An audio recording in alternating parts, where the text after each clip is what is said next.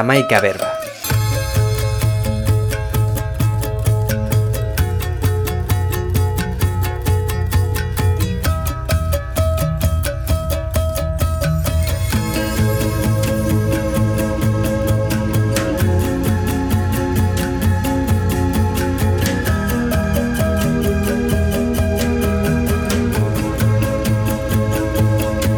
Xabi R.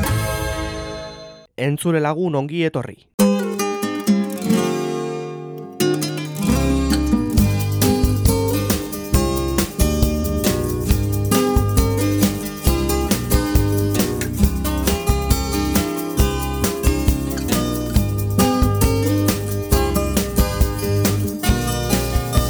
Beste aste batez hausnartzeko eta berba egiteko prest gatoz beti ere dagokigun alde honetatik.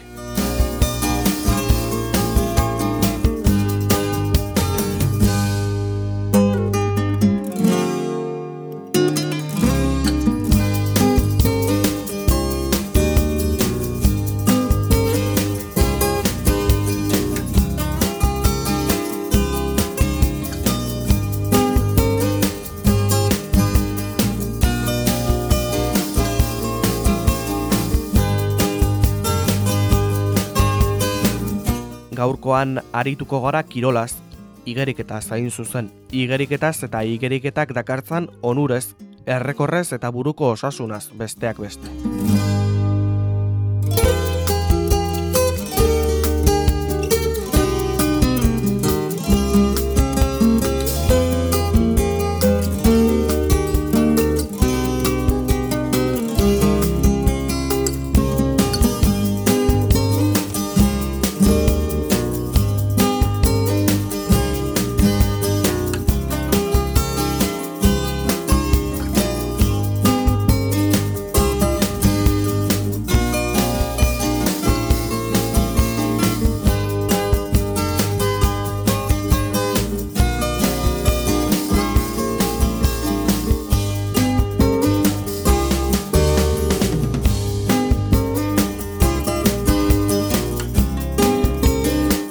Beste barik, egin ditzagun amaika berba igeriketaz.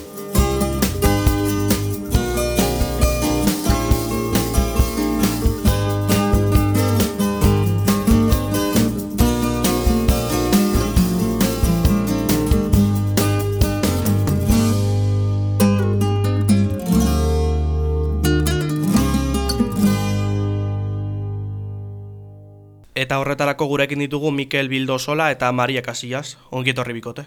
Kaixo, Kaixo. Ze moduz? Ondo. Bai, ondo Hora beharko. egiten duen hotxarekin. Bai, ondo, ondo baina beharko. ondo. Helenik eta bain Maria Sorionak. Eskerrik asko. Gainditu dozulako bizkaiko errekor absolutua, bizkari geriketan. Bai. Nola jaso genuen horren berri. Jo, ba, piztinan bertan. Eldu nintzenean e, begiratu nuen gora, eta zegoen naia, nire lagun bat, eta zian, meri, eta zian marka, ogeita deratzi, berrogeita bederatzi. Eta ni ez, ez broma da, broma da, eta ez ez da broma, ogeita bederatzi, berrogeita bederatzi. Eta urten nintzen uretatik, e, posik, ez dakit, justo esan releboa. Hm. Eta, bueno, ja bukatu zuenean e, azkenak, e, joan ginen gure entrenatzailearen gana, Mikelen gana, eta, eta hori, eta horri hasi nintzen apur bat sinisten errekorra egin nuela. Bai, momentuan izan zen, ez dakit, emozio gehiegi. Ordan Mikel entrenatzaia. Bai, Eta Mikelek nola bizi izan zuen hori.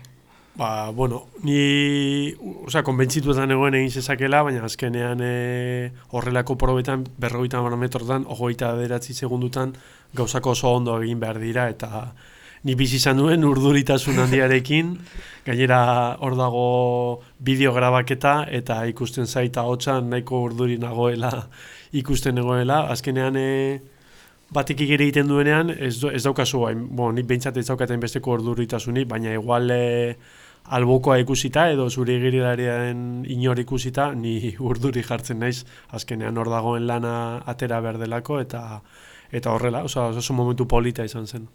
Eta hor, e, e, igarri egiten da zenbat urtetako lana. Ez.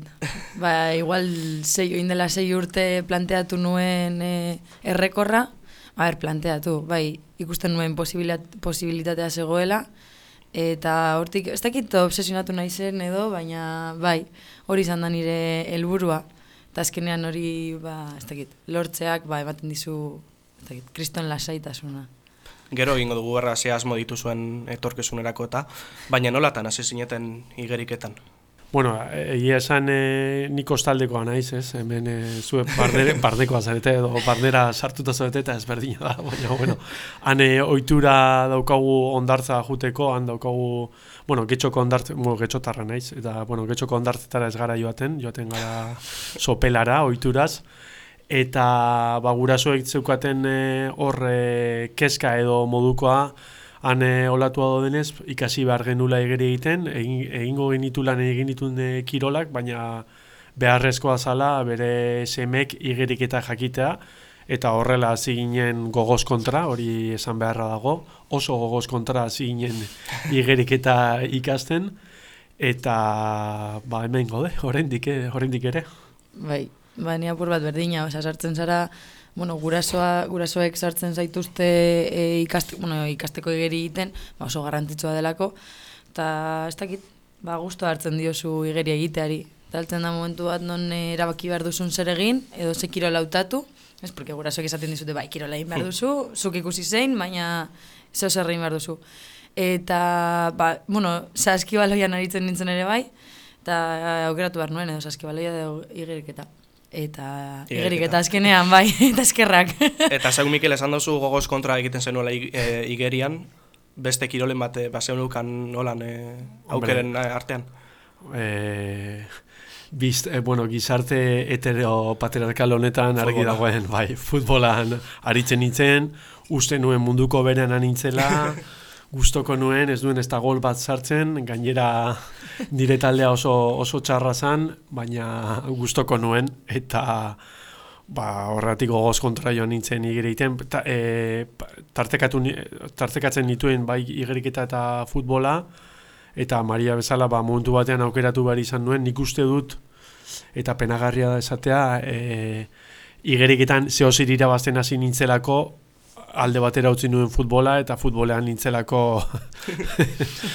ba, txarra, ez, ez duke esango txarra nintzeni, baina utzi, utzi nuen bueno, baina utzi nuen arrakastarik ez nukalako horrela da. Eta ze eman dizue igeriketak e, urte hauetan guztietan? Ba, jo, ba, ez dakit, baina nik uste dut igeriketak eman didala e, rutina, bueno, daukadan rutina, daukiduan rutina beti apurtu didala. Hau da, ez dakit, egunerokotasuna klasea, e, madrugoia, gero etxera heldu, etxeko lanak edo ikasi, eta gero bazen eukan horre arratsaldean, e, arratsaldeko azken orduan, zeo zer, eta zen igerik, eta zen entrenoa, ba, gogorra zen, baina joaten zinen lagunekin, ez dakit, sufritzera, deskargatzera, eta nik uste hori da, ez, e, igeriketak daukan gauzarik onena egunerakotasun monotono horretatik ateratzen zaituela edo? Bai, jendeak uste du, edo jendeak kanpotik ikusita uste du gaudela e, uretan, ur barnean bueltaka alde batetik bestera, eta marra bati begira, eta ez garela enteratzen ezertaz. Nik uste dute, ematen digula egin batean, burbui batean sartzen garela, baina burbui horretan e, gauza ezberdin asko egiten ditugula, e, eguneroko Mariak esan duen bezala, eguneroko errealitatetik oso urrun daudenak, eta sufritu, sufritu egiten dugu, baina ere ba, gure, ez dakit, momentu, bai, gure momentua da, ondo pasatzeko, eta, bueno, azkenan filosofia horrekin, gure izaera filosofia bai, hortakoa da ere, bai, bai, eh? bai, hori bai, bai. esan beharra dago, baina guretzat da, bai, mundutik atera, momentutxo polit bat bizi astean zehar, eta ez dana erreza, eta dana astu eta hortan egotea oinarrian hori hori da. Eta astean zenbat e, egun eta ordu entrenatzen dozue? Zu gutxi. ez nisaiatzen naz e, igeri iten zei egun astean, eta gero gimnazioarekin komplementatu behar dugu. Azkenean e, ondo igeri egin nahi baduzu, ba, apurrat fuerte egon behar zara, ez dakit nola saldu. Eta gimnazioa hiru egun astean edo, ez, egiten dugu.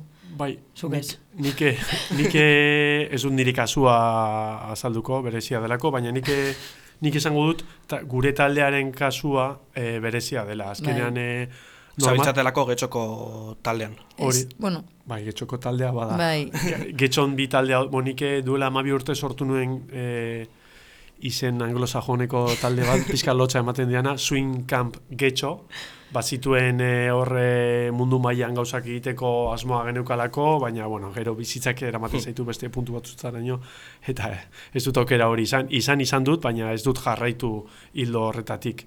Baina gauza da, e, gut daukagun, e, orain izan dugun bezala, daukagun filosofia igeriketarako edo igeriketa praktikatzeko dala ahalik eta denbora gutxien eman kirolari ez nekatzeko edo ez e, lehertzeko edo ez aspertzeko. Orduan, Mariak esan du, entrenatzen dituela sei egun igeri eta hiru egun gimnasio. Gustatuko litzaike jakitea hori benetan e, betetzen den astero. Osa, hori puntu bat da. Ni ba, nik bai betetzen dut hori. Bueno, e, esa, e, ni proposatzen dut, taldeari proposatzen dizkiot, bidaltzen dizkiot e, igandero sei entreno, uretako sei entreno, eta esaten diet e, garrantzitsua diren entreno direla os, aste arte eta ostegunekoak. Beste entrenoak dira gehikuntza moduko bat edo gehiago entrenatu nahi duenak egin ditzazken entrenoak. Normalean entreno horiek izaten dira ordu betekoak, e, segun zenbat hitz egiten dugun ordu eta laurdenekoak, Bai. eta gero gimnasioa bidaltzen dizkiet, proposatzen dizkiet beste hiru egun, alba dute, eta izaten dira hogeita mar berrogei minutu inguruko entrenoak. Segun eta zenbat hitz egiten duzun, besteekin. Hori beti da horrela, eta hori da, oinarria hori da, hitz egin ezazu zure Lagunekin. eh, lagunekin eta zure taldekidekin, bestela ez goa sinora.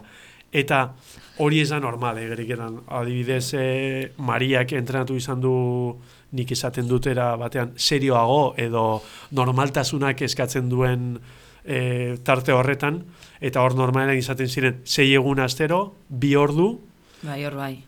eta batzutan e, goizetan beste bi edo hiru sesio ordu bete edo ordu talardenekoak. Hori da igeriketa munduan normala dena. Guk egin duguna da hortik atera eta saiatu ahalik eta espezifiko egin egiten eta ahalik eta denbora gutxien inbertitzen badakigulako edo gure ustea delako e, hau betiko izan behar dela. Ohitura betiko izan behar dela. Kirola osasuna delako, kirola beharrezkoa delako, eta emaitzak etorriko dira, emaitza onak izan daitezke horrela eginda, sinistu behar da, Bai. baina oinarria da ez nekatu psikologikoki esan era batean esan da eta hori horregatik izan daiteke e, Mariak asko entrenatzen duela norbaitek entz- entzuten baldin badu sei egun astean hiru egun ezeki zer bueno badaude beste kiroletan crossfita gaur egun egiten duten eta inora ez doazen kirolariak Maria baino ordu gehiago sartzen dituztenak e, entrenotan errespetu osoz, baina dinot, Bai. azkenean e, egiten duguna da minimoari minimoetan ibiltzea hori da helburua. E, Mikel, aipatu duzu, neka, nekatu eta psikologikoki ez duzula amaitu nahi. E, kirolari batzuek utzi dute bere euren jardun, kirolari jarduna e, osasun mentalagatik. Bai, Presio, ez duzuen nahi presio hori? Segin daiteke presio hori ez... Azkenean e, presioa etorri daiteke e, puntu askotatik. Txikia zarenean edo gaztea zarenean nik uste dut presioa ez da gure kasua guk puntu hortan sortea izan dugu, baina askotan eta ikusten da, e, askotan gehiagitan oso maiz, ikusten da e, gurasoek e, umeengan jartzen duten ez dakit beraiek izandako gaztetako frustrazioa ez dakit zehazki zer da, baina Bai. hor daude beti gainean, e, zuk, e, bueno, igerikitan asko eramaten da kronoa izatea denborak hartzeko. Normalean, nire kasuan eta bere kasuan, gure gurasoek ez dute inoiz krono bat, ez dakite zer dan krono Ez bat. dakit zeran krono bat. Gure denborak ikasiko zituzten, azterketa baten bidez segurazki, baina ez zuten presio hori jartzen eta ikusten da e, igerilarion batek normalean, eta tamalgarria da, edo penagarria, beti dauka gurasoak atzean, bo matxakatzen, gehiago, e, entreno gehiago, e, igual, zuk daukazu entreno adibidez, e, txikia zarenean hiru egun astean, ba beste bi egun astetan juten zara zure gurasoekin entrenatzera. Orduan, hor dator presio mota bat e, beharrezkoa ez dena. Azkenean gauza bere naturaltasunarekin joan behar dira. Hori da presio bat, gero e, pertsona bakoitza daukan izaerak egin dezake presioa, hau da, nabil negatibo puntutik, e, ikuspuntutik esaten, eta gero ere zure inguruak eragin dezake presioa, hau da. Adibidez, Mariak esan du, sei urte gutxi gora bera eman dituela errekor baten atzetik. Mariak puntu horretan izan zezaken presioa da, bere lagunek egin dezaketen presio hori, hau da, lortuko duzu, egingo duzu, bum, bum, hori errepekatuz, azkenean, e, askotan gertatzen da eragin negatiboa sortzen dizula eta ez dizula laguntzen e, aurrera egiten. Eta guzti horre, bueno, entxalada guzti honek egiten du e, geriketan e, jendeak ustea egeriketa oso goiz, oso oso goiz. Hau da, hori. bai, unibertsitatera heldu baino lehenago, puntu hortan, jendeak utzi egiten du. Oso kirol gatza belako, gorra da, emaitzak lortzeko asko entrenatu behar da, eta askotan faiatu behar da. Eta jendeak ez dauka argi, faiatu behar dela. Eta Eta jakin behar dela galtzen ere bai. Ai, oso garrantzitsua hori da, bai, hori da, e, guk aldu dugu, claro, orain ikusten dugu Maria errekorra egiten. Ah, Baina da- ze bat porrot horren atzean, ez da? Hori da. E, errekorra hori egiteko, ingo zituen igeri, azkenengo ziurtetan, e, irurogei aldiz, pasatu naiz igual, baina, Ez, baina bai. irurogei aldiz proba hori, eta e, amabost alditan, geratuko zan, errekorretik e, zertara. Eta hori, e, zure helburua abiatzen zaudela, porrota bezala ikusi ezakezu. Guk horri buelta ematen ginen, eta esaten ginen aukera bezala. Urbil zaude, berriro urbil zaude, eta hor dago aukera, jarraitu bilatzen. Bai, baina momentu horretan berdin dizu zer esaten dizun jendeak. Zu beti saiatu zara, baina azkenean hor zauz sartuta, Osea, Eta zara, emango du amorrua normalmente, du, bai, ez da urten eh, lan egin duzu denbora asko horretarako eta heldu zara eta ez da eta ez da irten. Eta ez duzu lertzen. Zergatik ez da irten. Osea, entrenotan urten da, ez dakit, eh, zure buruan zegoen, zergatik heldu da konpeti eguna. Ez duzu lorik egin, ez dakit, beste amar mila faktore, eta ez da irtetzen. Orokorrean dinot, ez, ez errekorra edo proba bat, edo berdin dit, minima bat, porque minimak ere bai azkenean dira, egin behar dira, ba, txapelketatera joateko. Eta bai, Mikelek esaten duena, e, bueno, zu beti saiatzen zara buelta ematen horri. Ba, eske, momentu horretan zaudenean, burbuia horretan sar, zaudenean sartuta, e, berdin dizu zer esaten dizun jendeak. Osea, triste zauz eta, eta jazta. Eta gero dau Mikel bezala kontrenatzaile bat, ez? E, horri buelta ematen Bai, saiatzen bai, dela. bai, jo, e, asko eskertzen da, asko eskertzen da. Ni batzutan naiz pelma moduko bat, baina bueno, azkenean e, azkenean hori da garrantzitsuena hori da e, gozatu kirolaz e, nik hauei beti izaten diet eskera honekoak izan bar gara daukagulako aukera kirola egiteko ez dakit zen baldintzatan, baina nik e, daukat aukera bizi naizen lekuan bizi naizelako, jo naitekela igerileku bat ere, igerileku bat mantendu behar da. Osea, azkenean da e, ohorea guretzat eta beti esaten diet e, gu daukagu ja part, at, gure irteerako kasilla edo aurrean dago, ba, gozatuko dugu daukagun aukeraz eta disfrutatuko horreta saiatuko gara, haserretuko gara, baina ere horren atzean oinarri bezala izan behar da privilegiatu batzu garela eta hori da nire diskurtsoa hori izaten da beti. Egin handi baten entrenatzaile izaten dalako kirolariaren erreferente nagusienetariko bat. Bai, bai. Bai, bai, baina beti da nik ez, Bai. osea, oin dela bi, bi urte, ez, zara nire entrenatzailea. Bai. Baina nire referentea izan zara ja ezagutu zaitu danetik. Zaharra naizelako orduan, Bai, baina ez. Ez, baina referente moduan bai egia da, e, ez dituzula igual pertsona famatuak, bai ikusten dituzula telebistan eta bere teknikari ez erreparatzen diozula, baina gero hori ba, entrenatzera joaterakoan, ba, dibidez nik aldakon sartu nintzenean, e, ikusten nuen nola, ba, ez dakit, baino nagusiagoa zen jendea jarritzen zuela hor. E, unibertsitate, bueno, bai, unibertsitatera joaten zirela, edo batxillerrean zeudela, edo besterik gabe, eta ni- nik nituen e, amabi urte, eta ikusten dituen hogei urteko jendea, bo, igeri egiten, eta azkenean horiek dira zure, zure referenteak, ez? E, naiz eta beste gauza asko eukien e, bizitzan jarraitzen duzula kirola egiten, eta zuinkan gertatzen da berdina. Azkenean bataz besteko adina zein, da, behuzikan getzon. Eta ikusten duzu jendea, ba, bere, ba, ez dakit gurasoak, edo bai lana, edo ez dakit, edo zer gauza, etortzen direla entrenatzera, disfrutatzera momentuaz, eske bai, justo guk daukagun filosofia beste bat da. Eta eskerrak. Bai, baina, bueno, emaitzak eh, hor daude, azkenean... Eh, Bai, bai, osea, funtzionatzen du, entrenamendu mota horrek funtzionatzen du. Osea, hori demostratuta dago. Funtzionatzen duena da, psikologikoki pres gaudela danatarako. Bai, baina ez bazaude fizikoki, Bai. naiz eta psikologikoki egon, osea, ateral zaizu ondo, baina ez zure bizitzako markarik onena. Ez, ez, bai, arrazo horra, Osa, arrazo niño. daukazu, bai, bai. Salbatu dezakezu konpeti bat, baina fizikoki ere egon behar zara ondo. Ez?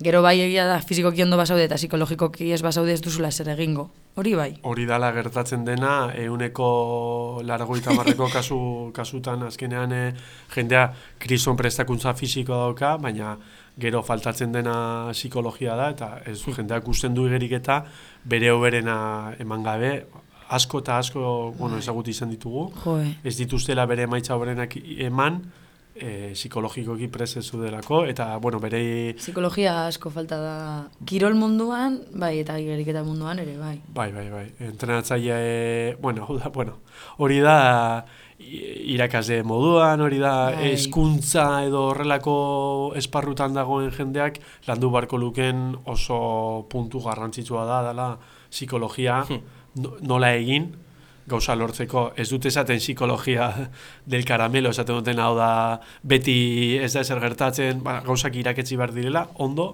eta jendean on dagoen jakin behar duela, eta hori nik uste ez dala egiten. Galtzen ikasi behar da ere, bai. Bai, bai. Eta iraka, irakatzi behar dizute galtzen. Porque bestela zu bakarrik ez dakizu egiten. Ari gara erreferente ez. E, sopela kondartzetan hase zinetenean, ba zeneukaten igerile, igerilari erreferenterik. Zu, hasi zara, zu belakon Bai.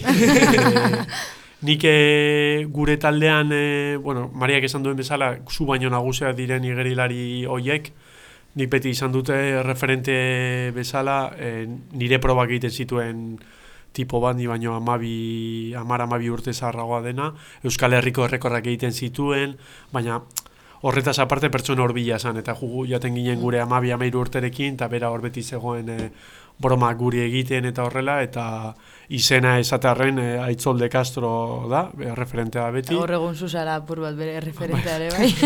Ani bere, ah, ni bere referentea, ani baino zaharragoa da. Hori nire lehenengo referentea txikia nintzela, Bueno, nire lehenengo referentea txikia nintzela, agian e, uste nuelako kriston hilaria zala, eta gero ez da horrela suertatu, nire aita zen. Baina gero ja pixkat nagusitu nintzenean, konturatu nintzen, ez zela bere kirola, eta orduan aldatu nuen, nire kromoa aldatu nuen. Hori izan da txikitako referentea eta hurbilekoa, gero ba, telebistako tipiko hiek, bai, baina hurbilekoa hori, nirea. Eta Maria, pues, aipatu duzu Mikel izan dela, baina aurretik.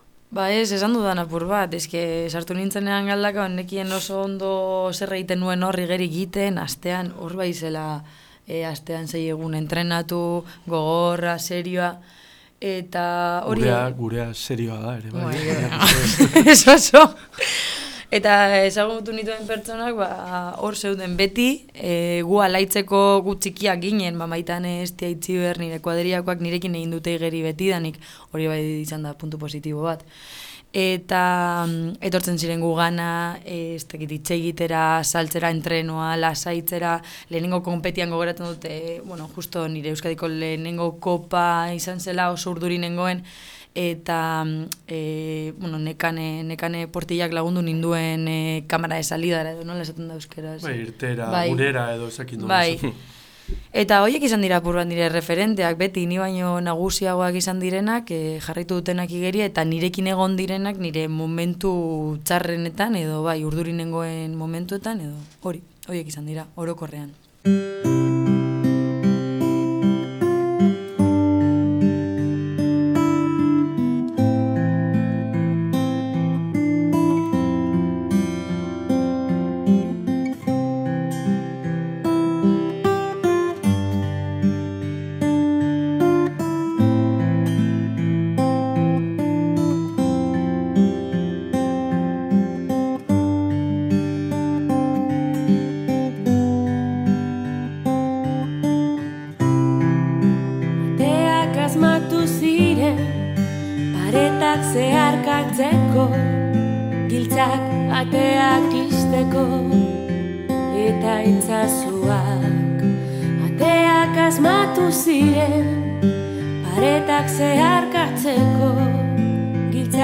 Ateak isteko, eta itzazoak.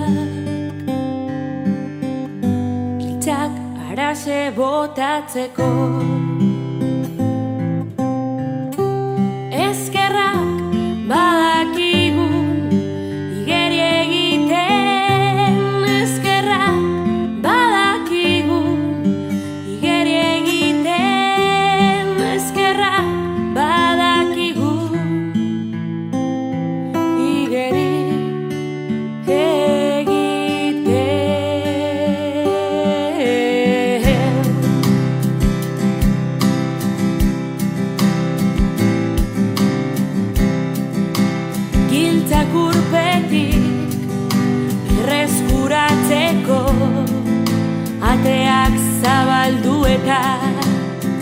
paretak zeharkatzeko atzera begiratzen dugunean itzazoaz baino ez gogoratzeko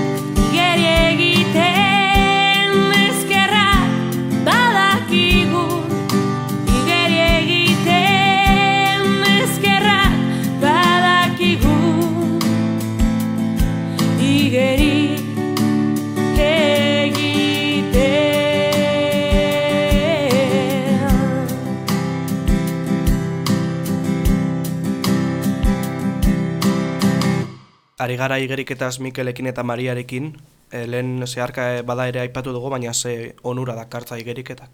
Ez da kirol lesibo bat. Osa, azkenan ez da korrika egitea edo crossfit egitea, igeriketan uretan zaude. Osa, zuk zuren gorputza mugitzen duzu, baina uretan. ez, a ber, lesioak daude azkenan guk asko entrenatzen dugula. Bueno, bai, eska asko entrenatzen Bueno, dugulako. intentsitate altuan, bai. Bai. Baina ez da kirol lesio bat eta, bueno, bizkarra eta ez, hori zu jakin duzu.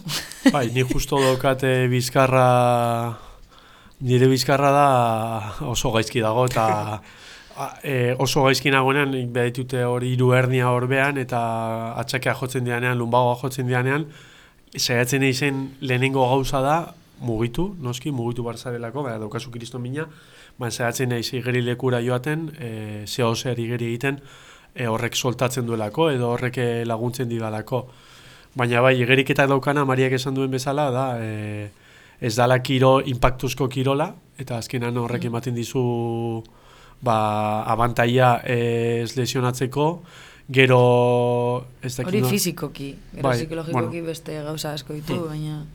Bai, eta gero bihotzarentzat ona da, azkenean e, kontsumoa gasto metaboliko eta hori handia da, eta horrek bihotzak lan egiten du, hainbesteko eta opada ez igotzen, baina indartsua suertatzen da, eta hori ona da, izan dezaken gauza txarra, eta hori horrela da, e, ezurren, hori luzera, eh? e, ezurrak galtzen dutela bere zurruntasuna ezekin nola esan.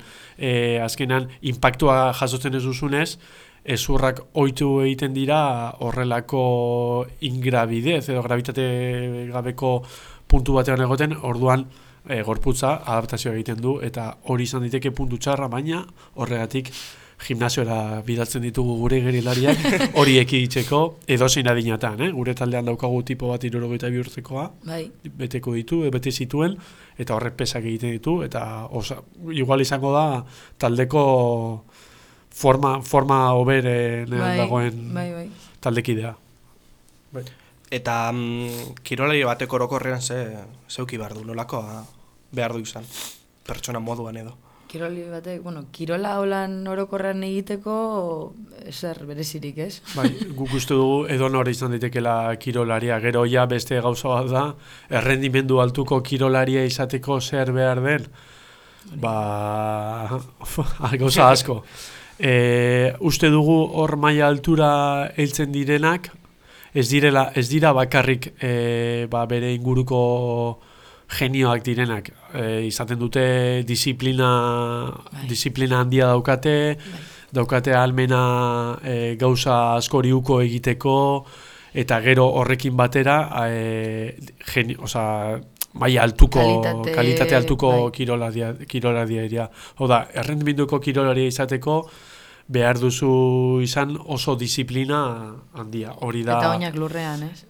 gero ja, errendimenduko kirolaria eta gainera e, urteetan luzaro jarraizeko emaitza onak izaten, oinak lurrean izan behar dituzu eta jakin baruzu zein den errealitatea eta hori horiek izan daitezke Bai. minimo minimoak.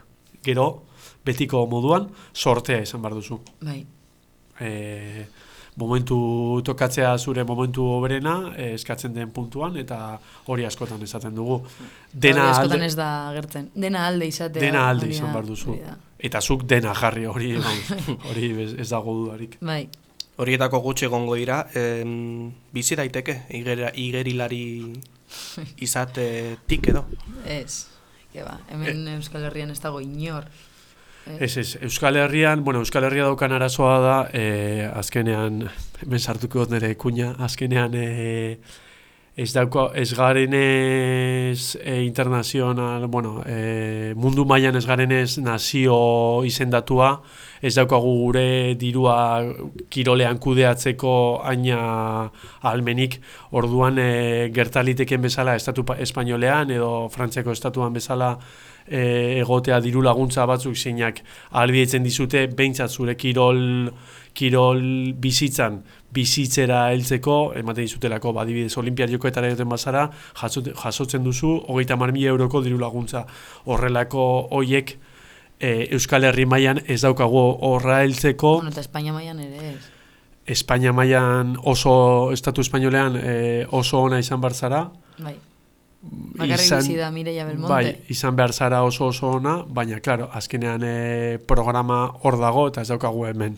Eta Bai. beharko egunukena da, programa horrelako programa bat izatea Euskal Herri mailan eta horrek igual emango luke aukera gure erara kudeatzeko eta gure ikuspuntutik horrelako gauza kudeatzeko.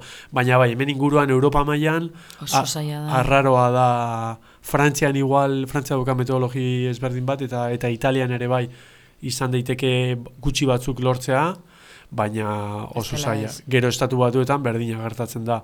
Hor zirkuito profesionalean sartzen diren igerilariak e, bere karrera bukatzen denean ez daukate hortaz bizitzeko aukerarik izan bar zara ba, Michael Phelps famatua edo horrelako Bueno, bat. Italian, e, usten duzunean igeriketa, ez, e, sartu alzara polizia edo nola du hori, hori kerakurri genuen dela gutxi. Italiako gobernua dauka programa bat, non e, bere selekzioan, ki- edozein kiroletan bere selekzioan parte hartu duten kirolari ematen dia aukera, zure karrera bukatzen denean, oposaketa egin gabe, ba, ez dakit nola, ez azkin, Hmm. zerbitzu, oza, kurtso bat egin, ez dakit, Bai. e, zan polizia eta beste administrazioan beste Bai. beste eskala batean Daukazu hor sartzeko. lanpostu bat azkenean, jo. Hori aukeran eskertzen emat- da, porque bai. hemen ez da gertatzen.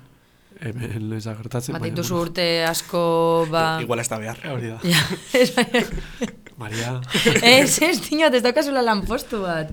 Horretan nigoan. Ez, Mikel, aipatu duzu nazio arteko, Euskal Herriko nazio artekotze hori egia da zabaldu da latetxo bat, zenbait kiroletarako, hor ere irakorri behar delako letra txikia. bai, Ez dakiz, iritzi daukazuen horren inguruan? ba, bai, hortan, ni hortan murgilduta nago, eh, adibidez igereketako federazioarekin aurrera emateko, hor daukagu arazo bat. E, bueno, arazo bat. E, zer, zer gaitik dago adi, ari da irekitzen ate hori. Gauza da, e, selekzioak, bueno, estatuak e, egiten dituzte federazioak eta federazio horiek ez dira estatuaren izenan bezik dira e, ente pribatu batzu dira. Orduan horrek albidetzen du e, eta estatututan dago adibidez igeriketako joango naiz igeriketako kasura.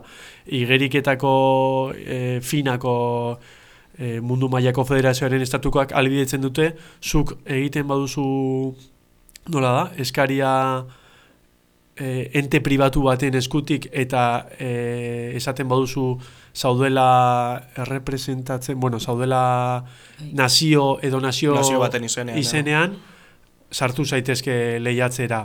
Hori izan daiteke Europa mailan eta mundu mailan. Gero arazoa izango genuke e, olimpiar jokoetara joteko. Olimpiar jokoek beste kudeak eta beste lege batzun baten menpe dago eta hor bada hor ez daude federazioa barnean hori da estatuak, osea nazioa sartzen dira. Baina aukera dago Euskal Selekzioarekin e, futbolari da horretan, atzera eta horrera, da prozesu, azkenan da prozesu bat. Zu hasten zara prozesua elegitea jartzen, eta izango da lau sei urteren buruan, e, emango dizute baimena.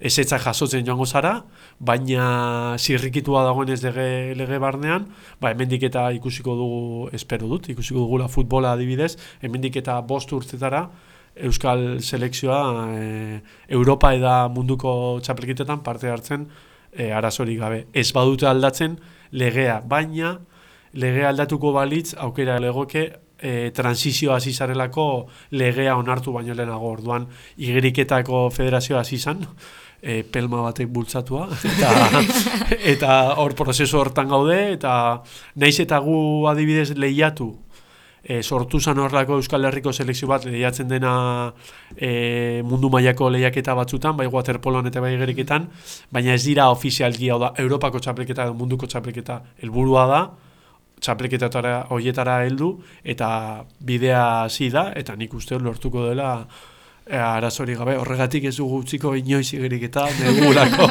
Euskal Ezerezorekin parte hori. Eta ikusiko zaituztegu Euskal Herri haren izenean nazio arte mailan lehiatzen. Berari igual bai, niri ez. Dakit. Ez. ez ez dut uste. Zaila da, zaila da, Bai. baina, ah, bueno, aukera baldin badago borrokatuko dugu hortarako. Bai, ateratzen bada borrokatuko oso.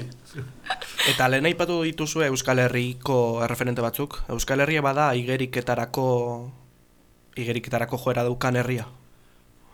Bai, historikoki Euskal Herriak izan du maila altua, e, izan ditu olimpiariokoetara joan diren igerilariak, azken igerilaria Ibartarra, Markel Alberdi, Horrek ere utzi zuen, ez? E, a- elkarrizketa prestatzen irakurri nuelako utzi zuela buruko osasunagatik.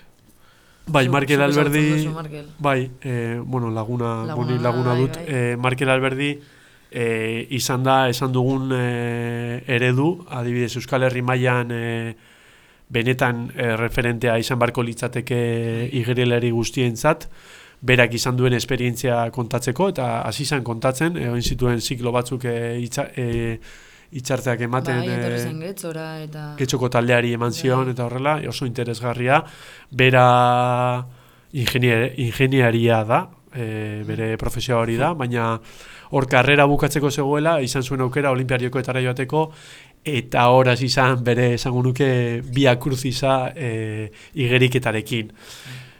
Egiten zituen kriston entrenoak, egiten zuen kriston emaitzak lortu, baina zuen lortzen hor e, olimpiariokoetara joateko e, minima hori denbora eskatzen zute eta hor hasi izan presioa sartzen inguruko presioa sartzen zioten jendeak e, nik esango nuke jendeak jartzen zuela bere frustrazioa markelengan hau da nik ez du lortu baina zu lortuko duzu zu oberena zarelako zu zarelako indartsua zu zarelako eta horrek egin zion kriston kaltea Ari, jendeak ez du asmo txarrarekin egiten. ez baina e, Baina bai.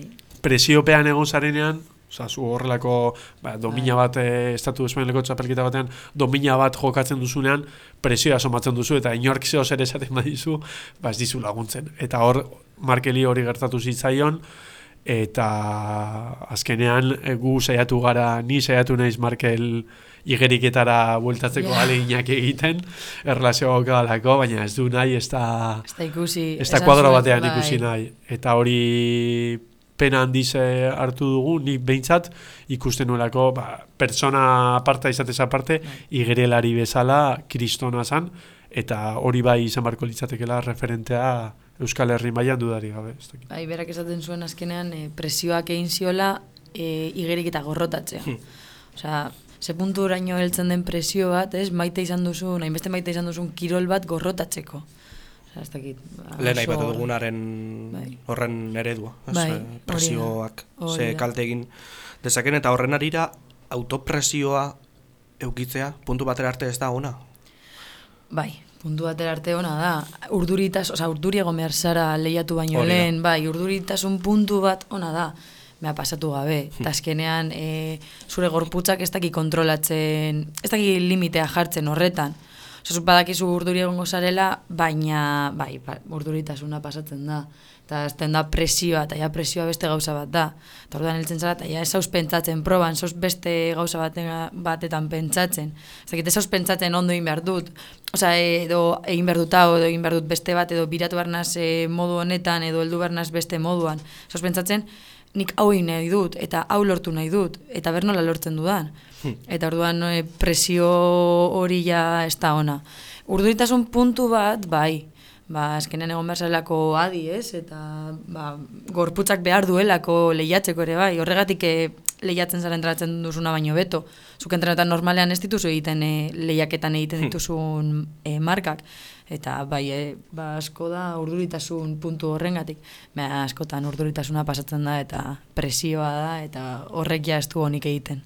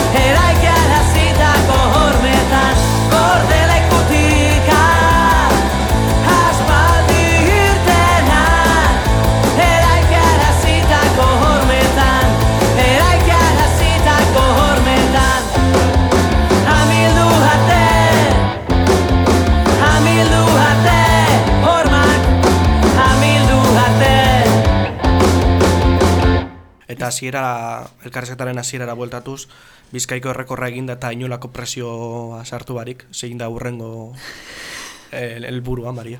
Nik Maria gerantzun baino lehenago e, e, esaten diot e, errekorra egin zuen eta ni- nire broma egiten diot eta esaten diot utzi duzu geriketa ja oza, nola da izan zituelako ora amabos bat egun desagertua egon zen ez, ez genik mendian zehonik edo non zehon eta orduan esan nuen bueno ja egin du bere bizitzako historia eta desagertu da esan Bai. tardetxo bat esan nahi nuen Bai egia da inuenean errekorra izan zen. Bale, eta orain zer? Orain, ez da ez deko dala esebez, bai, e, gero ja hitz egiten eta lasaiago, ba, jitsi nahi dut e, marka hori, ba, jartzeko saiago, ba, ez dakit, ba, kendu behar bai date errekor horri, ba, ba, peleatzeko, ez? Baina, bai nuen errekorra izan zen, bueno, ba, orain jazta, osea, bukatu da. A ber, ez da bukatu, e, jarrituko nuen nigere egiten, baina ez neukan ja, ez dakit, e, oelburu zehatz bat, edo, ez dakit, ba, orain errekorra jistea, eta lasaiago egotea, nik uste dut, e, jo, pisu bat kendu dala gainetik, A ber, jarraitzen dut entrenatzen, bai egon, a ber, egun ez, egon nintzen aste bat, justo kontzitu zuen e, geratu nintzela Bartzelonan lagun batekin, Santoto, Gabonak, izan zen hor. Bizitza. Bizitza, hori da, bizitza, sin más. Baina, bai, ointopera berriro eta gogoekin, e, bai, errekorra hausteko. Nik uste dut e, oraingo egoerak albidetzen duela Maria ma, marka hobea egiteko. Azkenean e, hor zeukan sama gainetik kendu du eta horrek ematen dio aukera gauzak ba, hobeto egiteko. Azkenean horrelako probetan egin behar da dena oso ondo. Bestela ez daukaz aukeraik. Bai, Eta nik uste dut, eh, hogeita bederatzi segunduko proba bat, hogeita bederatzi segundutan gauza asko gertatu aldira. Eta, ba, jokatzen dugu dana desima batzuetara. Hmm. Osa, desima, baina eske da, ez da, ez da desima bat, da, dira zentesimak. Ta, Bai, orduan zure orengo helburua da bizkaiko errekorra egitea. bai, berriro, nire bizkaiko errekorra ustea. Bale, entratzaile.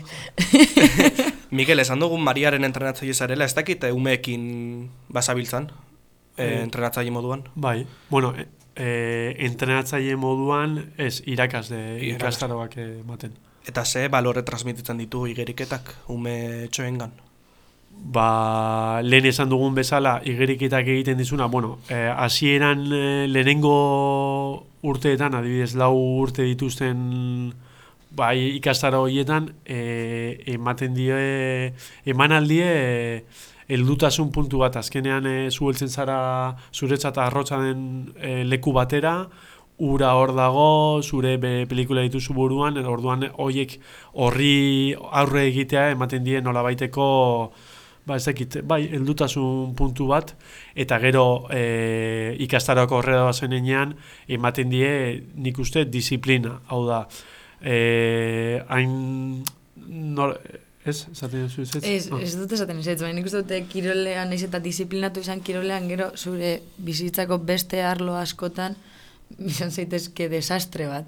Osa dinot, de, ez dakit nola saldu, baina... Bai, baina txikitan e, normaltasunaren barnean dagoen, hau da, norma hartzen badugu, nire Bai, ustez, bai. ematen dizu nolabaiteko disiplina bat. Bai, daukazulako patroi bat, eta daukazulako egiten duzu egunean hainbat gauza, eta goza lortzeko egin behar dituzu hainbat mila, amar mila, zenbat errepikapen egin behar dire ikasteko, bai, e, bai, igerian. bai, Amar mila errepikapen. bai, bai. Baloi bat txutatzeko, eh, ona bazara, aterako zaizu, eta ze, txarra bazara ez zaizu aterako. Egiten dizu amar mila errepikapen, baina ez dizu ematen emaitza berdina. Igerik eta ikastaroetan, zuk lortzen duzu. Helburua da ikastaroetan lau luze egitea. bai. Zenbat errepikamen, honek egin ditu berrogei mila eta honek amar mila, baina bi pertsonek lortu dute helburua. Bai, bai, bai, bai, Orduan bai. horrek ematen dizu horrelako disiplinaren ondorioz jasotzen duzun emaitza Bai. eta horrek irakasten dizu.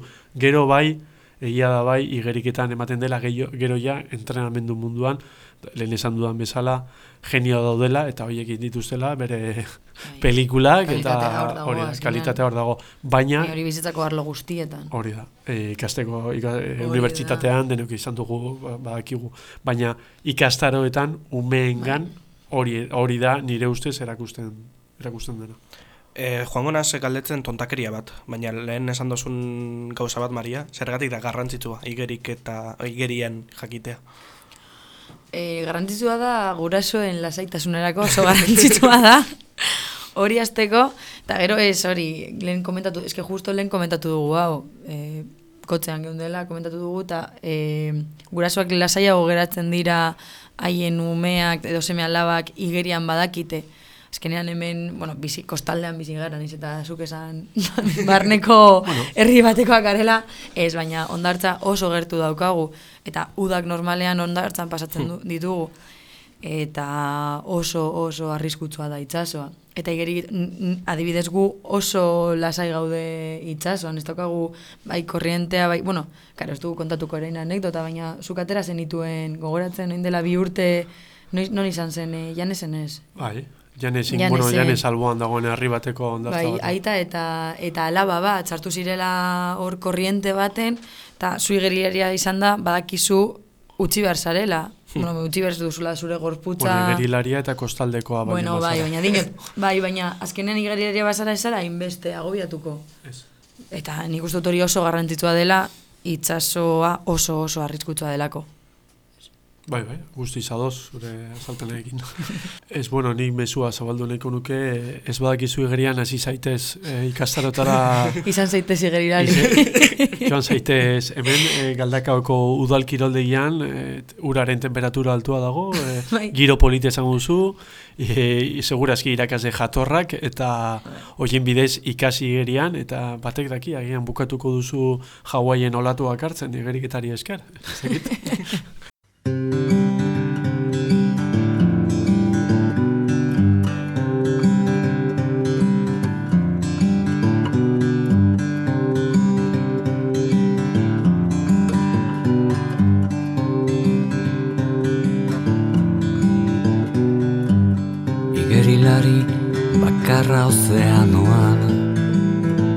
Honen beste zentzule eskertu Mariari eta Mikeli egindako hausnarketengatik eta zeu ba gustora entzun badituzu gu pozikoaz. Burrengo batean gehiago, hobeto ez dakigu baina gehiago bai, bitartean bizi pozik.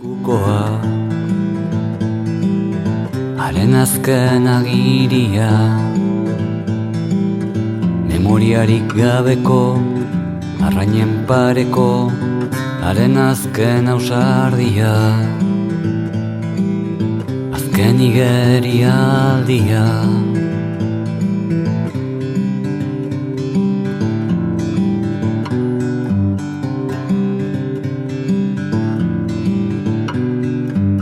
Igerilari bakarra ozeanoan Mili asko uraren estetan. Itotakoek ez dute presik ezertako Olatu azpiko erresuman. Isiltasunen kulunkan. Begien arteko itxaso puskada Haren azken argazkia. Azken bake argazkia. Azken zirriborroa Azken bakar da dezea Azken igerialdia. Azken igerialdia. Azken igerialdia. Azken igerialdia